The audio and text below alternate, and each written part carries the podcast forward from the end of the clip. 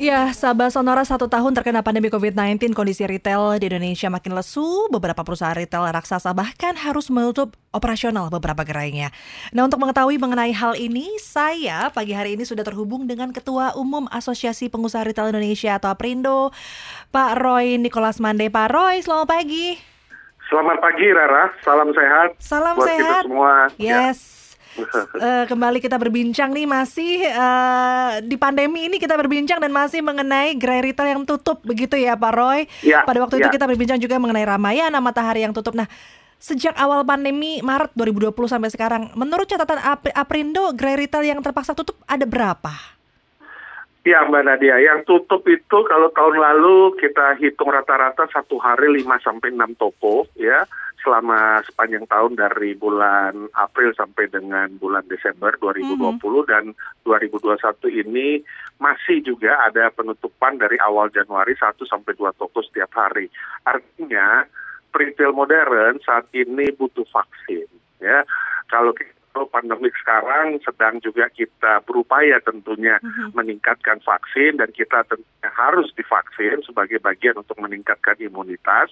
Nah, retail modern juga sudah sangat-sangat perlu untuk mendapat vaksin. Vaksinnya apa? Vaksin ekonomi tentunya, vaksin untuk retail modern menjadi sektor prioritas selama ini retail modern tidak dan belum menjadi sektor prioritas dibanding tujuh sektor lainnya ya dalam APBN 2021 jelas sektor prioritas itu kesehatan, ketahanan pangan, kemudian juga pariwisata. Nah, itu sudah menjadi sektor prioritas. Tapi perdagangan retail modern sepertinya belum mendapat kesempatan untuk menjadi sektor prioritas sehingga kita nggak mendapat akses untuk dana pemulihan ekonomi nasional, Mbak Rara. Nah ini Oke. yang menjadi masalah likuiditas saat ini sehingga beberapa retail harus mengambil langkah kebijakan strategisnya.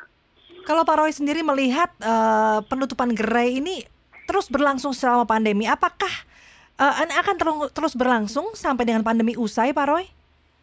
Nah, inilah yang di- dikatakan sebagai bagian dampak daripada pandemi. Semua sektor sebenarnya terdampak ya. Mhm. Tapi kalau di retail itu terdampaknya karena ada dua hal. Yang pertama mobilitas yang Mobilitas. tertahan ya karena memang kita masih PPKM, kita punya positive rate belum 5%. Mhm. Kalau sudah 5% menurut WHO tidak perlu lagi PPKM. Tapi sekarang kita masih di atas itu sehingga PSBB atau PPKM masih berlangsung sehingga mobilitas tentunya masih juga apa tidak Menjadi faktor. ya seperti sebelum pandemi. Mhm. Kemudian daya beli, daya beli ini tentunya masyarakat masih terus diinjek dengan apa bantuan-bantuan langsung tunai dan sosial lain sebagainya, Mhm. PKH, program keluarga harapan dan juga macam-macam dana desa karena maksud tujuannya memang kita apresiasi untuk Mhm. meningkatkan daya beli, tapi tentunya belum kembali normal. Nah dua hal ini yang memberi dampak sehingga kunjungan atau pembelajaran produktivitas retail modern itu masih rendah dan rendahnya itu sudah selama dari bulan Maret April lalu sehingga dua bulan yang terakhir peningkatan frekuensi transaksi akibat adanya THR dan lain sebagainya belum dapat mengobati untuk yang 10 bulan lalu. Ya, kami sudah menggunakan eh, berbagai cara, berjuang sendiri, dana cadangan dan lain sebagainya, sehingga kita harus mengambil langkah-langkah kebijakan strategis untuk juga apa yang kita sebut sebagai eh, penutupan, tetapi juga kita menggantikan bahkan membuka untuk yang masih produktif. Iya. Nah inilah upaya kami untuk tetap bertahan. Mhm. Pak Roy tadi menyampaikan bahwa eh, vaksin juga diperlukan begitu ya bagi sektor retail. Ini dari segi kesehatan untuk prokes. Nah, kesehatan dalam tanda kutip dalam artian ekonomi dari pemilik eh, retail sendiri, pengusaha sendiri tadi dikatakan tidak tersentuh oleh eh, pemulihan ekonomi nasional dari pemerintah. Seperti apa? Ya, sebagai sebagai contoh Mbak Rara, pada tanggal 28 Juli 2020 lalu, itu pemerintah mengucurkan dana alokasi pemulihan ekonomi nasional untuk korporasi swasta. Mhm. Nah, lewat 15 bank, Imbara, dan juga bank swasta. Mhm. Nah, kami nggak bisa mengakses itu. Karena apa? Karena selalu ketika kita coba mengakses, dikatakan belum ada juklak atau juknisnya. Ya, karena memang kita bukan sektor prioritas. Nah, inilah yang membuat akhirnya kondisi kami ya tentu harus uh, berjibaku dengan kondisi permodalan sendiri, bahkan dana ekspansi kita sudah pergunakan untuk dana-dana cadangan. Ya otomatis uh, situasi ini cukup prihatin Uh, karena apa? Karena ya kita lihat uh, bahwa justru retail modern perdagangan ini berada hmm. di garda terdepan untuk penciptaan konsumsi rumah tangga yang 57,6 persen, hampir 60 persen penopang pertumbuhan ekonomi kita, produk domestik bruto mhm. kita. Mm -hmm. Nah ini yang membuat kita sebenarnya bertanda tanya ketika juga semangat untuk meningkatkan konsumsi ya dengan segala bantuan tunai, bantuan so sosial, kemudian juga lain-lain yang sudah sedang dilakukan, tapi perusahaan-perusahaan retailnya nggak mendapat vaksin ekonomi atau vaksin sektor prioritas sehingga kita tentunya uh, ya kesulitan menghadapi situasi kondisi yang uh, menjalankan usaha dengan uh, modal sendiri dengan cara-cara sendiri dengan apa tetap untuk bertahan. Harapan dari Aprindo sendiri seperti apa kepada pemerintah Pak Roy? Mungkin bisa disampaikan. Ya kami sudah sampaikan beberapa saat yang lalu ya tentunya seperti juga sektor prioritas lainnya, kesehatan, pariwisata dan ya, apa lain-lain itu uh, sudah mendapat misalnya restrukturisasi kredit program ya, program restrukturisasi kredit komersial. Kita tahu BI rate kita tiga setengah persen, tetapi kan bank-bank juga belum tentu hmm. apa dengan nilai angka uh, yang sekarang diturunkan ya. Sekarang masih di angka komersial masih di sembilan persen. Hmm. Nah kita berharap adanya restrukturisasi bisa dengan bunga tiga empat persen, memakai alokasi pen sehingga kita dapat menggantikan uh, selisih bunga itu untuk membiayai operasional.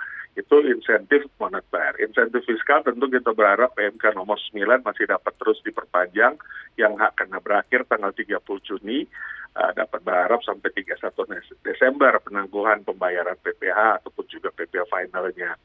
Serta tentunya insentif operasional. Nah ini juga tentunya berharap misalnya kebijakan listrik kita untuk jam operasional 10 pagi sampai 10 malam, jam tertentu misalnya jam 12 sampai jam 6 sore itu kita bisa mendapatkan relaksasi. Mm -hmm. Sekarang ini di industri produsen hulu jam 12 malam sampai jam 7 pagi sudah dapat subsidi. Nah, di perdagangan retail belum mendapatkannya. Uh -huh. Dan juga kalau memang memungkinkan ya kita berharap uh, insentif operasional buat gaji, buat upah ya. -huh. Pekerja retail itu perusahaan-perusahaan retail itu uh, hampir 60 persen, 65 persen adalah pekerja toko, pekerja gerai. Hanya 35 yeah. persen saja yang pekerja office. Nah ini kita berharap pekerja gerai ini dapat uh, mendapat bantuan yang yang apa UMSP mereka ya upah minimum sektoral provinsi sehingga uh, dapat kita mengalokasikan subsidi uh, UMSP itu untuk kita jalankan terus operasional. Terakhir Pak Roy, uh, Pak Roy sendiri melihat kira-kira kapan bisnis retail khususnya modern ini akan tumbuh kembali, akan kembali sehat begitu? Ya, yang pertama tentu kita semangat bersama sampai hari ini yaitu bagaimana penanggulangan COVID. Hmm. berharap tentu prokes ya 5M ataupun pemerintah 3T tetap berkelanjutan. Kita harus menyelesaikan ini dan memerangi menanggulangi ini melalui vaksin game changernya baru akan ada recovery. Jadi kalau pun disebut sekarang yang dua bulan terakhir ada peningkatan frekuensi belanja, indeks kepercayaan konsumen kita juga meningkat, sudah 128, angka 100 adalah angka moderate, kemudian indeks penjualan real juga berkontraksi positif, walaupun masih negatif, minus 14 uh, eh, lebih, uh, eh, 14,2 di bulan lalu, tetapi sudah ada positif. Nah, ini kita sudah masuk kepada pre-recovery, tetapi kembali lagi kondisi ini tentunya utamanya adalah bagaimana penanggulangan COVID. Masyarakat diharapkan, konsumen diharapkan tetap disiplin, ya, karena memang inilah uh, vitaminnya kita 5M itu, mm -hmm. kemudian juga uh, eh, 3T dan vaksin yang terus meningkat.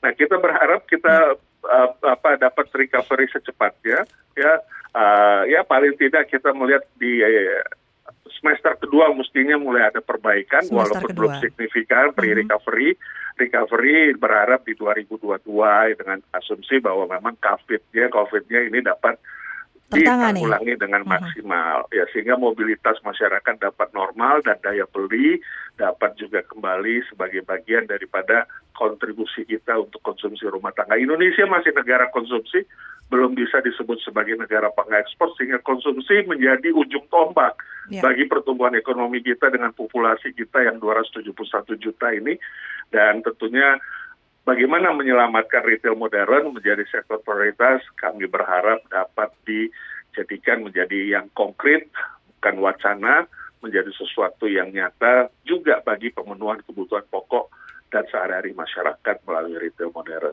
Baik, Pak Roy Nicholas Mandey, terima kasih sekali waktunya berbincang dengan Sonora pada pagi hari ini. Sehat selalu Pak Roy. Sehat selalu, selamat pagi, salam sehat, assalamualaikum warahmatullahi wabarakatuh. Selamat pagi, waalaikumsalam. Sahabat sonora itu tadi ya uh, sudah disampaikan beberapa harapan dari Aprindo ya, mewakili Aprindo begitu Pak Roy, bahwa adanya restrukturisi, re, restrukturisasi kredit program ini diperlukan ya, termasuk di antaranya adalah insentif moneter, fiskal dan juga operasional. Kita masih membahas mengenai ini ya, uh, gelombang PHK yang masih juga terus terjadi sampai dengan sekarang. Bagaimana menurut Anda akankah terus berlangsung selama pandemi atau Anda optimis? Bahwa pemulihan ekonomi nasional akan segera teratasi. Silakan Anda bisa sampaikan ke Telegram dan juga WhatsApp kita. Anda masih bersama kami di Sonora Network.